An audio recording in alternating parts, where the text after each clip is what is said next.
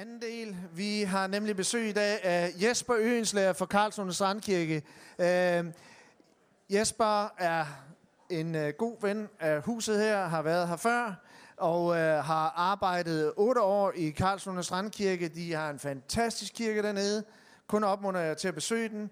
Øh, Jespers, I Jesper Fortid har han været sovne- og indvandrerpræst. Han har endda været kirkeplanter, og så har jeg armene helt oppe i Forvejle. Og senest har han været aktuel med en bog, der hedder At blive sig selv med Guds hjælp, som øh, vi forhåbentlig har stadigvæk et, et par eksemplarer af. Og øh, er gift til daglig med Priscilla og har to børn. Hvad sagde jeg? Hip til daglig? Gift til daglig? Åh oh, ja. Nej.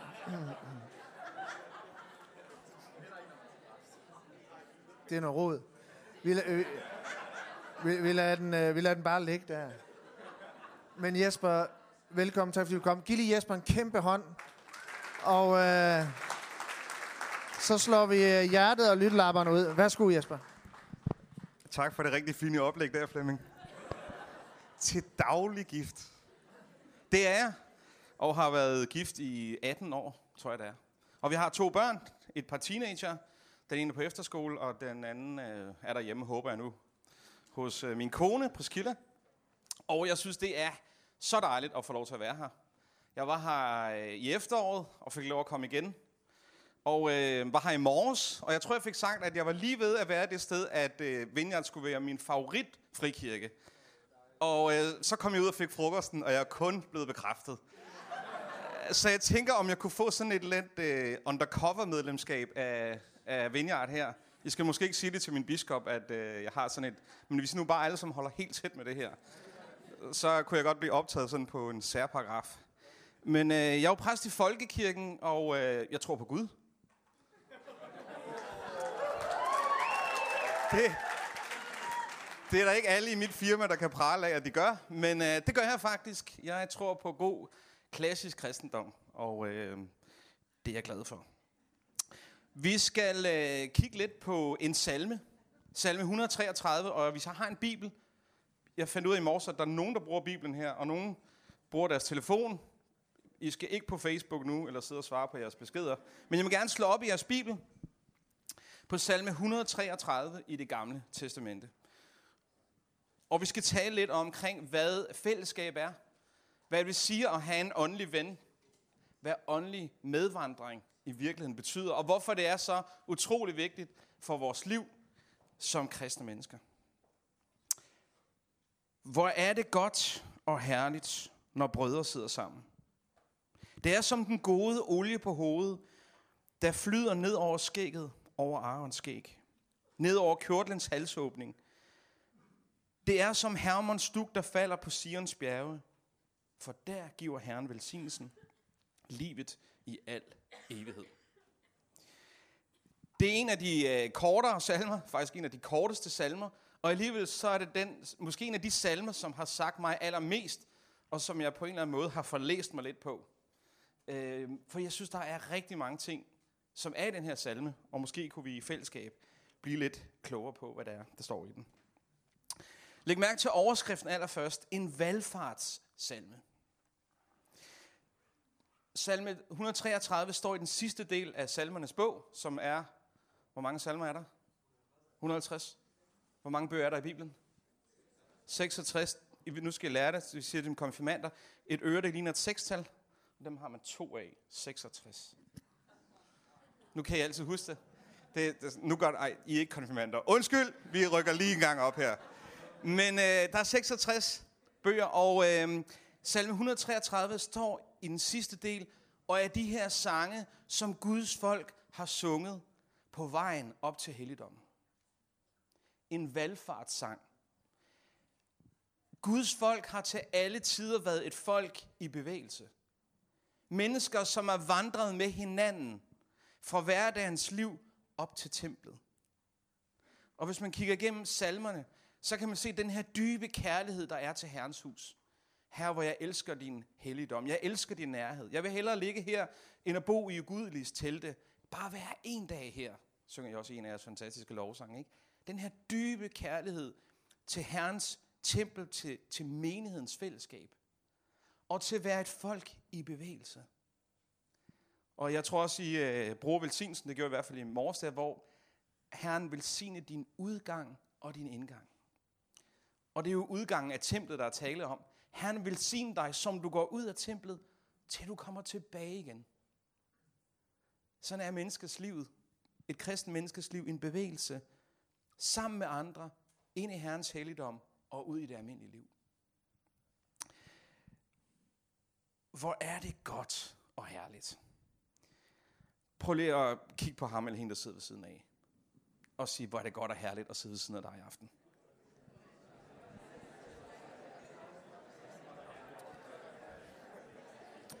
Og så drikker I lidt af kaffen, og husker på, at I er i Københavns Vineyard. Hvor er det godt og herligt, når brødre sidder sammen.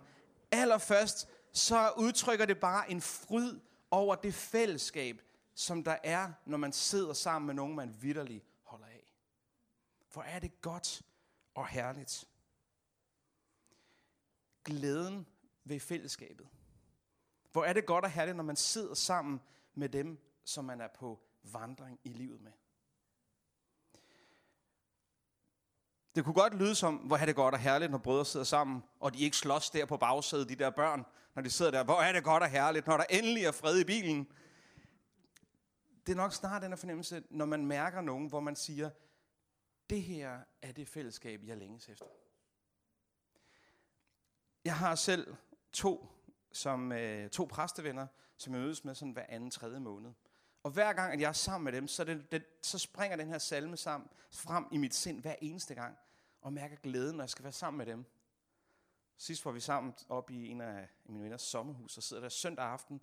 Det er højdepunkt, det er den anden weekend som præst. Der er første weekend, fredag og lørdag, og så er der søndagen, og så kommer søndag aften til mandag. Det er sådan, man har weekend i to sådan etapper. Og sidde der søndag aften med de der to, som, som kender mig på godt og på ondt, kender min optur og min nedtur og sidder søndag aften, og kyllinger kommer ud af ovnet, og der kommer en flaske rødvin på bordet, og sådan aftensolen begynder at gå ned, og vi bare begynder at dele livet med hinanden. Hvor er det godt og herligt. Dem, som er kendt af, og som man alligevel er elsket af. Hvor er det godt og herligt.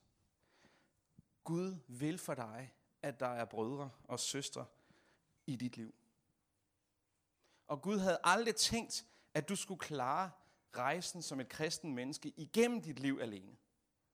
Det var aldrig meningen, at du skulle være sådan en lonely rider, en ensom Lucky Luke-kristen, som skal klare det hele selv. Det var aldrig Guds tanke. Guds tanke er, at du får lov til at leve sammen med nogle andre, og vandre og dele den her trosrejse med andre. Der er en øh, tysk teolog, der har sagt sådan, han hedder Dietrich Bonhoeffer, han har skrevet en lille bog, som hedder Fællesskab. Fantastisk bog om fællesskab. Hvor han har et lille citat omkring, hvorfor en kristen menneske har brug for en anden. I får det på dansk og ikke på tysk. Det vil jeg trods alt ikke give jer den fornøjelse at høre mig vågne ud i. Han siger, derfor behøver en kristen en anden kristen, der kan række ham Guds ord. Han behøver ham igen og igen, når han tvivler og taber mod. For han kan ikke få hjælp fra sig selv uden at bedrage sig selv på bekostning af sandheden. Han har brug for broderen, som bærer og forkynder af Guds ord. Du har brug for nogen, som kan sige dig imod. Som elsker dig nok til at fortælle dig sandheden om, hvem du er. Kære venner, du kan hurtigt nok få tilsagt dig selv søndernes forladelse. Og sige, det er fint. Jeg har to som jeg deler min vandre med, som jeg deler mine udfordringer, mine kampe, mine fristelser med, og som, står til regn, som vi står til regnskab over for hinanden, og tjekker ind på hinandens liv. Og hver gang vi er sammen, så spørger vi, hvordan står det til med magt? Er der nogen usunde magtrelationer? Er der noget i dit familieliv? Er der noget i dit ægteskab? Noget i dit sexliv? Noget i din tjeneste? Er der noget, vi skal vide? Hver eneste gang. Og jeg kan sige, efter at have vandret med de her to gutter i 10 år, vi er alle sammen et sted, som er sundt og godt. Fordi vi har valgt at vil sidde sammen med nogle andre. Vi har valgt at vil dele den her vandring og give nogle andre taleret ind i ens liv. Hvor er det godt og herligt, når brødre sidder sammen. Og søstre. For hvad mener David, når han siger brødre her? Ja, jeg tror, han tænker brødre i en god bibelsk forstand, eller i virkeligheden i en mellemøstlig forstand. Eller i virkeligheden i en afrikansk forstand af, hvad en bror er. Jeg har en rigtig god ven, som er nigerianer, og han taler tit om hans bror. Og han har, jeg ved ikke, hvor mange brødre, når han taler om de der brødre. Han har, han har 117 brødre. My brother, jamen, hvilken, from the same mother. Eller, altså, hvilken bror taler du om? Og så kigger nogen sådan, jamen, det kan være min fætter, det kan også være min biologiske bror, det kan også være min rigtig, rigtig gode ven. Altså, jeg er helt, jeg er helt sådan rundt forvirret over omkring deres familiekoncept. Fordi at familie er dem, jeg deler livet med. Og den her tanke om den her lille øh, øh far, mor og en golden retriever, og den her lille kernefamilietanke, den er helt igennem ubibelsk.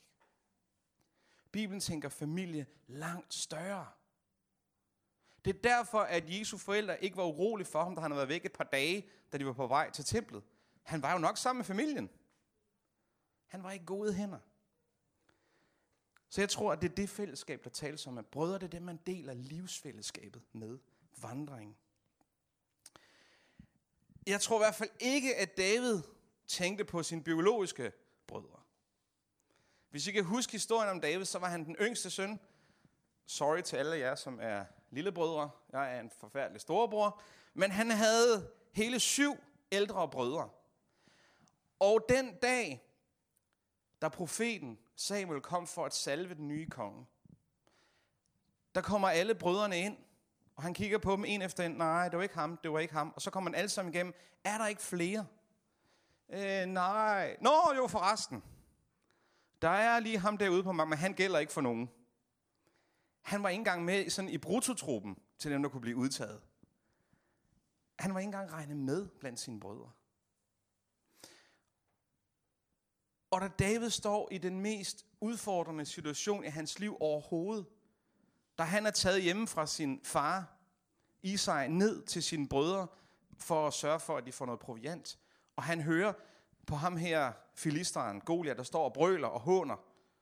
Og han kan se, at Saul han sidder som en, en, en, en, en tøsedreng inde i telt, der er bange. Og han spørger sin brødre, jamen, øh, hvad sker der her? Så er det eneste, han får at vide, hvor du ond. Hvor du fræk og ondskabsfuld. Har du forladt gården derhjemme? Har du forladt dyrene for at komme herned for at spille smart? Prøv at forestille dig, at du står i den mest pressede situation overhovedet i dit liv. Og du skal virkelig skyde hjertet op i brystet for at gå ud og slås mod Goliath, som er to meter høj og har hår mellem tænderne. Og det eneste du har, du er bare en lille lort. Du ser godt nok godt ud og rødmosset, og du har din lille sten og din lille slynge, hvor du virkelig skal bruge mod, og du puster dig op til alt det, du kan, og så er det eneste, du ved, hvor er du ond? Hvor er du ondskabsfuld? Hvor er du fræk? Hvad tror du om du dig selv? Kan, kan I lige se det der? Det var det første jul, der blev punkteret. Punkteret på alle fire dæk.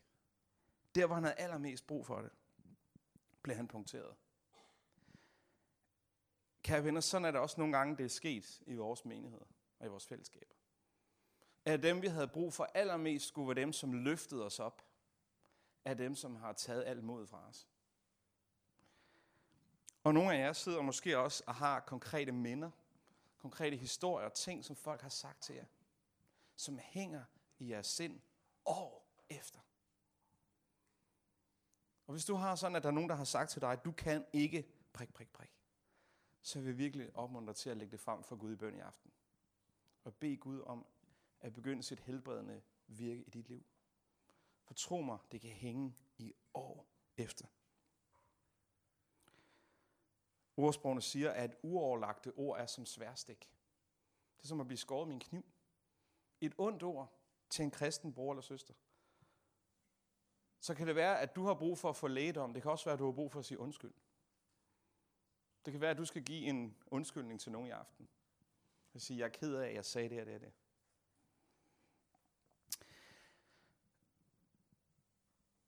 Hvor er det godt og herligt, når brødre sidder sammen. Og så kommer det første af de her to meget malende billeder, som, som øh, måske umiddelbart kan være en lille smule maskuline. I hvert fald det første af dem. Han siger, hvor godt og herligt er det. Det er ligesom, når olien bliver hældt ned over Arons hoved. Og Aaron var ypperste præsten. Og når han blev indvidet til tjeneste, så blev den dyreste og mest kostbare olie hældt ned over hans hår, og det har løbet ned i skægget, og det har stået og drøbet.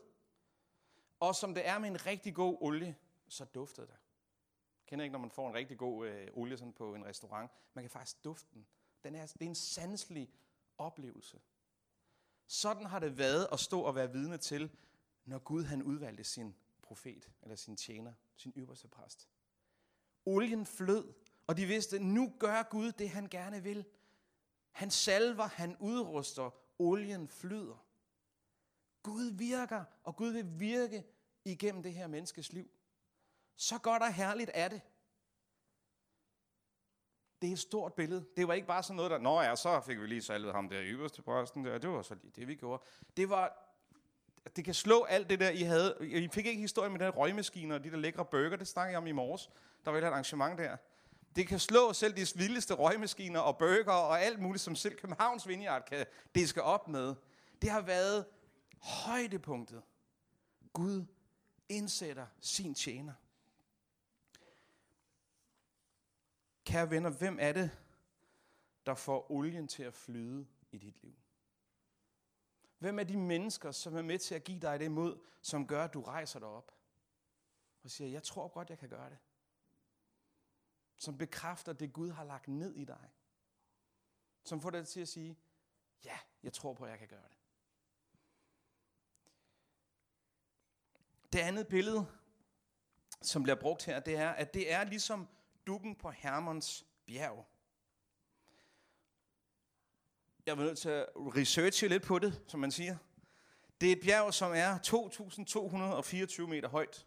Og hvis det eneste, du får med hjem på i aften, så er det da en meget god, ubrugelig viden at have på et eller andet tidspunkt, du en fest er ved at dø.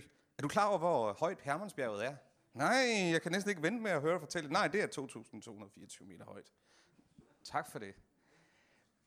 Men det her bjerg, som ligger i det nordlige del af Israel, er kendetegnet ved, at dukken falder så tung, så du bliver helt gennemblødt af den. Du bliver soaking wet, som man siger på godt dansk. Du bliver gennemblødt. Du er helt igennem badet af det her livgivende duk. Af det her vand, som er så livgivende. Så skønt og så dejligt er det, siger han. Som olien, der flyder, og som det her vand. Så hvor i alverden kendte øh, David så det her fællesskab fra? Hvor vidste han om, hvor godt og herligt det kunne være? Jeg tror ikke, han kendte det for sine brødre. Det var nok ikke der, han havde, han havde lært det. Når man læser efter i skriften, så er det meget tydeligt, at David havde en dyb relation med Jonathan. Og det var et venskab med alle odds imod sig. For Jonathan var den ældste søn af kong Saul, som var den første konge, som øh, folket havde fået. Og øh, han burde jo være den retmæssige konge efter sin far. Det var sådan, det burde have gået. Men Gud havde valgt, at det skulle være David.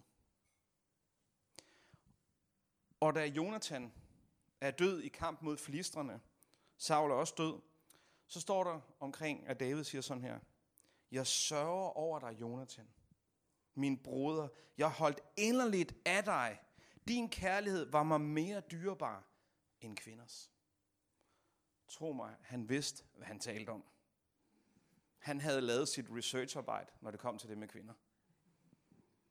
Alligevel så siger han, den kærlighed, som jeg oplevede for Jonathan, og jeg elskede ham med tilbage, var mere dyrebar end den kærlighed. Og vi er ikke i tvivl om, hvad han taler om. Han taler om erotisk kærlighed. Han siger, at den relation var så meget dybere. Han havde erfaret den her dybe, dybe kærlighed. Der står flere gange omkring Jonathan, at han gav David hans kappe som et udtryk for, for venskab. Han gav endda hans svær og hans bue, som jo er et tegn på underkastelse. Altså, du kan tage mit liv, du har mine våben. Han, som burde have været nummer et, lægger alting ned og siger, det er dig, Gud har udvalgt. Er der sådan en Jonathan-relation i dit liv? Jeg tror, at det er noget af det absolut mest betydningsfulde, du overhovedet kan gøre for din vandring som kristen menneske. Det er at have et par stykker. Og så ved jeg ikke, om det hedder bedepartnere, mikromarkere, øh, et eller andet sjovt, eller hvad vi end kalder det forskellige steder, men nogen, som får at vide, hvordan det virkelig er til med din sjæl. Nogen, som kan være, kan være din åndelige medvandrer, som du kan dele vandringen med. Og derfor er det også, nu springer jeg lige ud, øh, og siger sådan her til jer, jeg tror, det er noget af det absolut vigtigste, vigtigste du overhovedet kan gøre som kristen menneske, det er at finde en kristen kæreste. Jeg vil sige, bibellæsning og bøn, finde en kristen kæreste. Same, same. Jeg, og jeg, jeg mener det. Jeg kan ikke se ret mange gode historier med folk, som har valgt det. Og jeg siger det uden at kende nogen af jer, så jeg tager, I kan bare, I kan, min bil holder ud på, I kan parkere den bagefter, I kan putte sten igennem ruderne og gøre lige, hvad I vil med den. Jeg våger pelsen og siger til jer, jeg har ikke set ret mange gode eksempler på det. På det at vælge en, som ikke har valgt at leve sammen med Jesus. Jeg har bare ikke set det. Jeg har det til gode at se det. Det er noget af det vigtigste at gøre. Derfor er det det vigtigste sted, og det bedste sted, du kan finde en kristen kæreste, det er herinde. Og jeg har endda det der bar bagefter og alt muligt. Og ved du hvad, hvis du tænker, hvis du tænker, jamen det er jo min bedste ven, så vil jeg sige til dig, så skal du lige præcis gå efter ham eller hende. For ved du hvad, det er det mest holdbare, du overhovedet kan gøre i forhold til at bevandre med Jesus. Det er at finde en, som til stadighed kan opmuntre dig. Jeg er gift med et menneske, som jeg tænker på mange måder, at min kone øh, et meget mere øh, tillidsfuldt menneske over for Gud. Jeg, jeg kæmper hver eneste morgen med at prøve at komme op og få sat mig ind i den her sofa og få læst min bibel. Hun er der hver eneste morgen, når klokken er 6. Så sidder hun inde i stuen og er i gang med at holde sin andagt.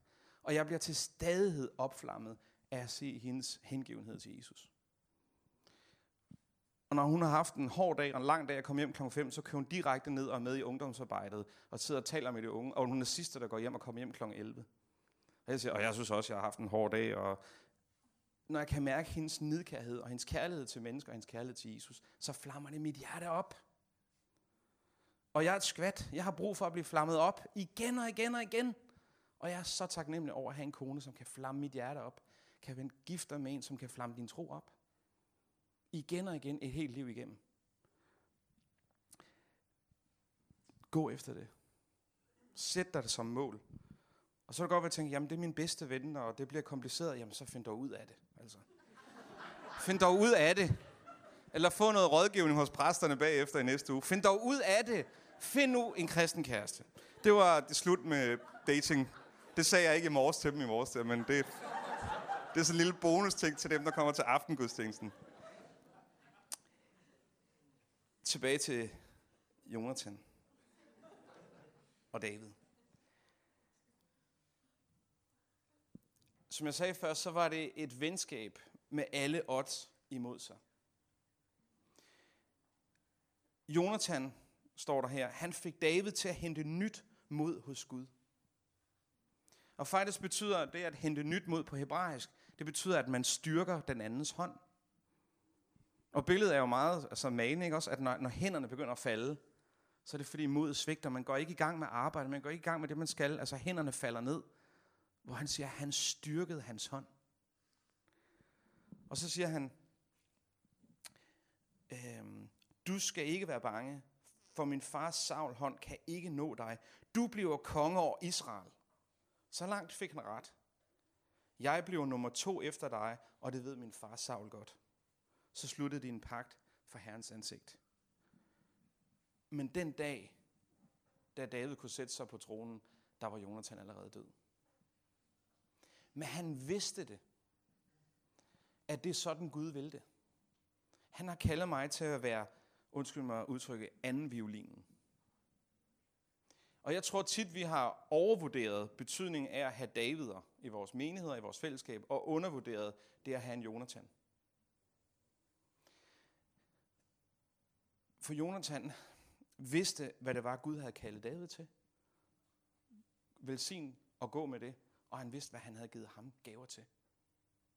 Og nogle af jer er kaldet til at være en David, til at gå først, få de øh, mest øh, heder og ære, og få de fleste tæsk og skideballer og blive hængt ud. Og nogle af jer er kaldet til at være dem, som ligger lige bagved. Og I har ingen anelse om, hvor betydningsfuldt det er. I drømmer ikke om det. Hvilken betydning I har.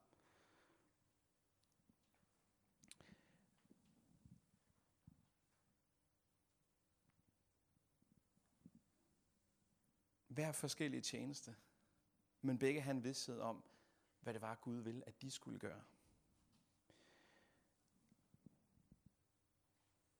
Så er der sådan en, en Jonathan i dit liv. Og er der ikke sådan en, du kan dele det, som bor i dit hjerte, din sjæl, det, som ikke er særlig kønt, det, som du egentlig er flov over. Hvis der ikke er sådan en person, så vil jeg opmuntre dig til at gøre det til dit bedeemne nummer to, efter det med at finde en kristen kæreste. Så gør det i hvert fald til dit bedeemne nummer et eller to, det må du selv finde ud af, når du kommer ind i forbundskøen om lidt. Så gør det til din bøn, at du må finde en, som du kan dele den her vandring med Jesus igennem dit liv med. Og nogle gange, hvis vi skal være endnu mere lavpraktiske, hvordan finder man sådan en? Jeg tror nogle gange, det handler bare om at åbne sine øjne. Og så sige, hvem har jeg umiddelbart god kemi med? En af dem, som jeg begyndte at vandre sammen med, synes jeg umiddelbart, ham kunne jeg godt tænke mig at snakke mere med. Og det var fordi, at vi havde været på et fælles kursus på universitetet, og der, der stod han også og smurøg lidt ude i gangen. Og jeg stod og smurøg lidt med ham, øh, på det, jeg ved ikke, hvordan jeres politik er med rygning, men det tager vi bagefter. Ude ved min bil. Men han stod og, og, og stod derude i gangen, og så stod vi og smurøg lidt der, og sludrede lidt, og tænkte, han er egentlig en sjov fyr. Jeg kan godt lide at være i hans nærhed. Jeg kan godt lide, at han udfordrer mig. Han mener nogle helt andre, andre ting, end jeg gør. Så hvem er det, du umiddelbart kan mærke den her, du har en god fornemmelse. I siger hinanden noget. Og nogen, der tænker, det er også en, der kan sige mig imod. Så hvem er det? Og måske skal du ture og være den, som blotter dig og siger, prøv at høre, nu har vi hørt ham her, den mærkelige forstadspræst, sige alle mulige ting, men, men jeg, jeg tænker, at kunne vi tage et skridt sammen i en dybere vandring sammen med Gud? Kunne vi gøre det? Og se, om det er, de følger med. Hvem er det, der ser efter din sjæl?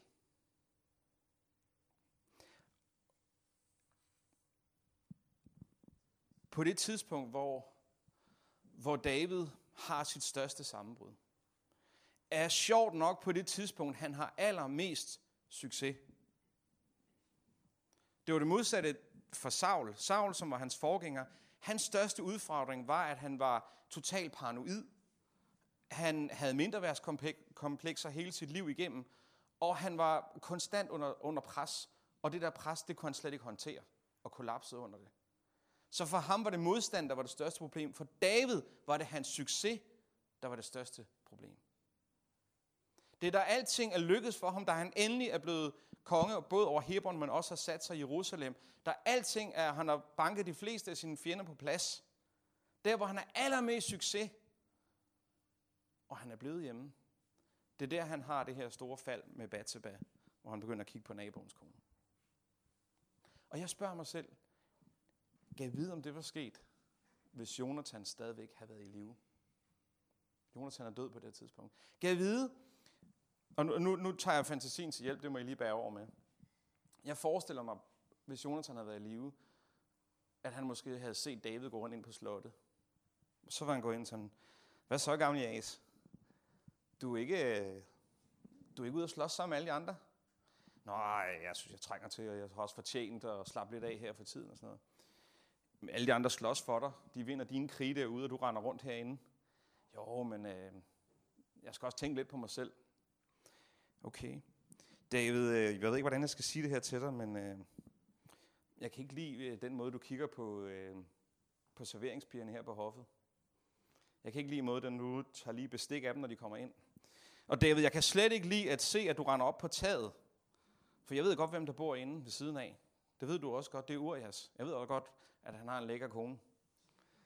Og ved du hvad, David, jeg kan ikke lide de blikke, du sender. Jeg kan ikke lide det, jeg ser i dine øjne, når du ser efter hende. Sådan forestiller jeg mig det.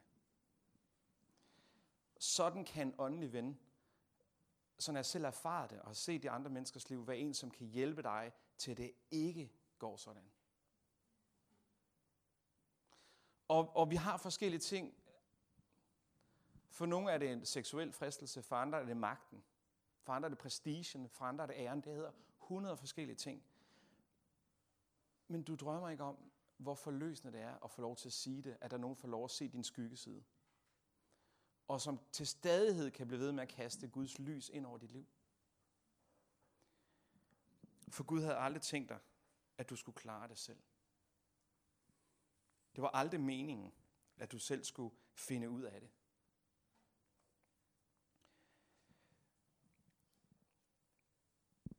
En ting mere, som er interessant med ham, Jonathan, det er, at de, de fleste af de her øh, børnebibler, jeg har set, de har altid tegnet billederne af Jonathan og David som, som lige gamle. Er det ikke sådan, I også forestiller sådan sandsynligt måske bare et år imellem? Der er en sådan en gammeltestamentlig forsker, der, der på baggrund af nogle beregninger omkring, hvornår Saul blev konge, påstår, at der måske har været 20-30 års aldersforskel mellem de her to. Og Jonathan har nærmest kunne være som en far for David. Det siger endnu mere om, hvis det er rigtigt, hvilken karakterstyrke Jonathan havde. Det siger endnu mere om det format, han havde, og den betydning, han havde i Davids liv.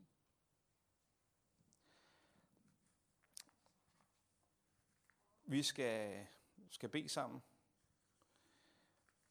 Og nogle af jer vil jeg gerne udfordre til at spørge jer selv, om I har en Jonathan i jeres liv. Er der en, som bringer jer nyt mod, der får jer til at løfte hånden, når jeg har lyst til at smide det hele på gulvet? Og sige, det nytter ikke noget. Så kan I bede for det. Eller bare få øjnene op for, hvem det er, I kunne have et lille skridt i den retning sammen med. Nogle af jer tror jeg også sidder faktisk med en, en, en sårighed over det, som en Eliab har gjort i jeres liv. Nogle af jer kan godt sidde med den fornemmelse at sige, tror vi nu på det der kirkehejs igen? De kan skuffe en bragt. Tror vi virkelig på det her? Skal vi virkelig connecte os her i den her kirke? De siger en masse ting og sådan noget, men, men tør jeg virkelig at tro på det? Kommer de ikke til at sove mig eller, eller skuffe mig igennem, som I har oplevet, andre ledere har gjort jer før? Sådan ved jeg, at der er garanti nogle af jer, der sidder med. Og bevidst holder I tingene sådan lidt ude. I vil gerne surfe rundt. I vil gerne lige tjekke næste kirke ud på søndag. Fordi tror vi nu virkelig på det? Og skal vi virkelig stemple ind? Stemple ind. Meld dig ind. Tjek ind med dit hjerte.